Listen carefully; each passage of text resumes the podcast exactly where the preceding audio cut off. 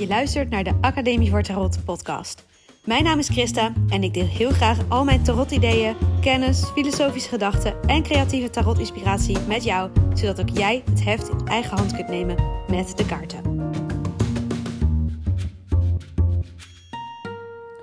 Welkom, welkom. Superleuk dat je weer luistert. Ik ga eventjes mijn ongezouten mening geven over pick-a-card readings. Uh, misschien voel je hem aankomen wat ik erover denk, maar misschien ook niet.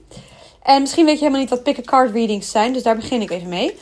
Uh, het is een fenomeen dat ik voornamelijk heb gezien op uh, YouTube, maar wat ook wel op Instagram voorbij komt.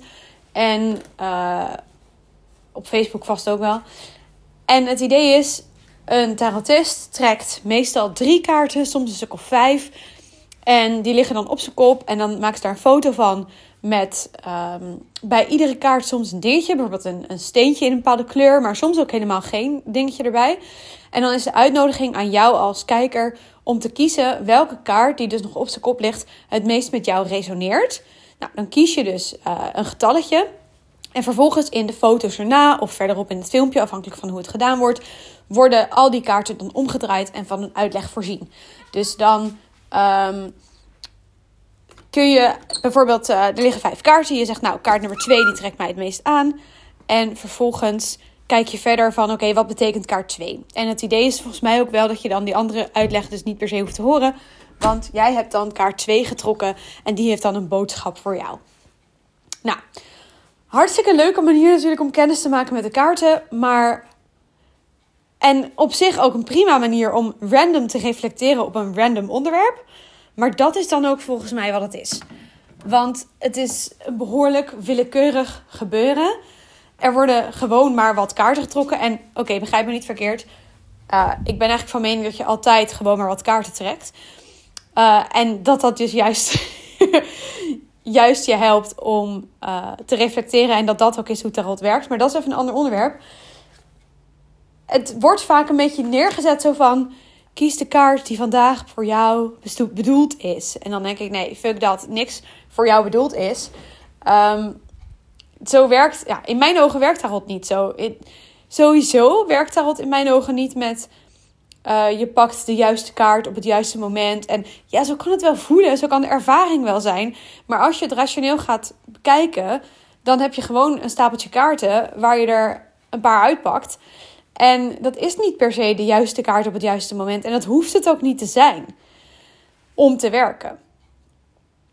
Oké, ik weet even niet of, of je me nog kunt volgen, dus ik ga dit even anders zeggen. Um, hoe tarot in mijn ogen werkt, is als volgt. Je hebt 78 kaarten. Die zijn ontzettend rijk aan symbooltaal. Die kaarten kun je op allerlei manieren gebruiken en één daarvan is willekeurige kaarten trekken en die een inspiratiebron laten zijn om antwoorden te vinden op jouw vragen. Ongeacht welke kaarten je dan trekt en hoe je de kaarten trekt, dus of je dat intuïtief doet om de juiste kaart te trekken, of dat je gewoon een beetje ladidadida op een feestje er drie uh, hup tevoorschijn tovert zonder veel aandacht eraan te geven, of niet eens op een feestje, maar uh, hoe je dan ook de intentie zet, het resultaat is dat je kaarten op tafel hebt. En wat mij betreft begint de magie van tarot, als je het al magie moet noemen, maar de, de kracht van de tarot, het, het, datgene wat maakt dat het zo'n fantastische tool is, dat het werkt en dat het iets geweldigs is, begint op het moment dat die kaarten open op tafel liggen en jij de interactie aangaat met de afbeeldingen die je ziet. Daarop gaat reflecteren, de symboliek erbij betrekt, kijkt wat die kaarten betekenen, kijkt wat die kaarten op dat moment voor jou betekenen, wat ze op dat moment in jou oproepen.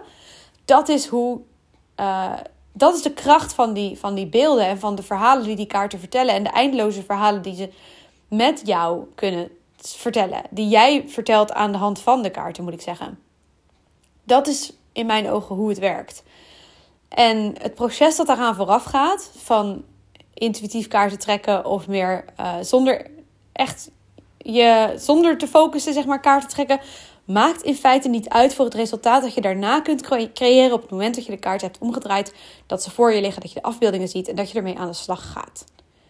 Dat is hoe ik geloof dat het werkt. Dat dat daar gebeurt het en niet daarvoor. Niet die fluff die eromheen zit. Ja, ik geloof dan ook dat als jij ehm, een willekeurige kaart trekt zonder van tevoren hebt bedacht, dat je van tevoren hebt bedacht waar je het over wil hebben met die kaarten, dan is het een beetje los zand. Dan kun je wel reflecteren. Dan is het wel interessant om te kijken van, goh, welk thema komt er vandaag tevoorschijn? Maar dan kan het over alles gaan. En uh, met de pick card reading gebeurt het heel vaak dat er zo'n vage algemene uitleg bij die kaart wordt gegeven dat Natuurlijk zie jij er iets in. Want je ziet in al die kaarten iets. Als je die andere beschrijvingen gaat lezen. Dus je hebt kaart 2 gekozen en je leest kaart 2, de beschrijving. En je denkt, oh, dat past bij mij. Top. En dan, dan ga je door met je dag. Maar als je dan kaart 1, 3, 4 en 5 de beschrijving van leest, dan vind je daar waarschijnlijk ook wel één of twee zinnen in waarvan je denkt: Oh, dat kan ik ook toepassen op mijn leven. Dus het is natuurlijk wel leuk, maar het slaat nergens op. Dat je een willekeurig. Kijk, het is niks anders dan willekeurig een kaart kiezen en willekeurig een beetje reflecteren op je leven. En daar is op zich niks mis mee, dat is prima. Maar waar ik wel een beetje iets mis mee vind, is dat, je, dat er dan heel erg gepretendeerd wordt van: oh, deze kaart is nu voor jou en intuïtief uh, voelen welke past bij jou. Sorry, ik geloof daar niet in. Ik, net zo min als dat ik, ja, sorry, ik geloof ook niet in, weet je, de beschrijvingen van uh, astrologie van de maand uh, in een tijdschrift. Dat werkt een beetje hetzelfde. Je leest het en je herkent er iets in omdat je er iets in wilt herkennen. En omdat je op zoek bent naar de link tussen datgene wat je leest en jouw eigen leven. En daardoor werkt het. En daardoor werkt een pick card reading misschien ook wel. Maar het hele fenomeen, dat, ik kan net zo goed gewoon één kaart trekken voor de hele wereld. En daar hebben mensen dan ook iets aan. Het gebeurt trouwens ook dat mensen zeggen: Ik doe nu een community reading. Deze is voor de community. En dan kan iedereen die in de uh, community zit, kan dan uh, die beschrijving lezen en denken: Oh ja, ja, dat is inderdaad op mij van toepassing.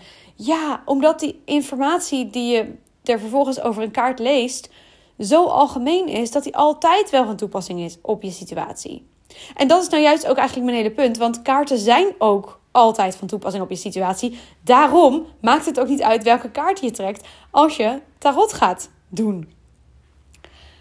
Want de kaarten zeggen altijd iets over je situatie, maakt niet uit welke. Nou, ehm, dan is meteen vervolgens een heel logische vervolgvraag, maar daar ga ik een vervolgpodcast over opnemen. Van oké, maar kun je dan niet gewoon meerdere keren uh, een, een legging, of waarom zou je dan niet gewoon andere kaarten trekken als de kaarten je niet bevallen of zo, weet je wel? Dat, dat soort dingen. Daar ga ik later op terugkomen. Um, kom vooral ook naar me toe met je kritische vragen hierover, over deze ongezouten mening. Maar dit is, ja, dit is zo, als ik, als ik een pick card reading zie, dan denk ik, oh, hebben we er weer eentje.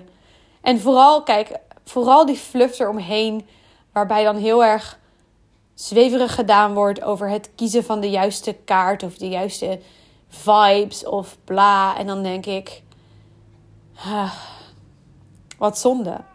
Want het maakt dat mensen die niet met tarot werken, die kijken naar zoiets en die denken, oh wat zweverig, dat is niks voor mij.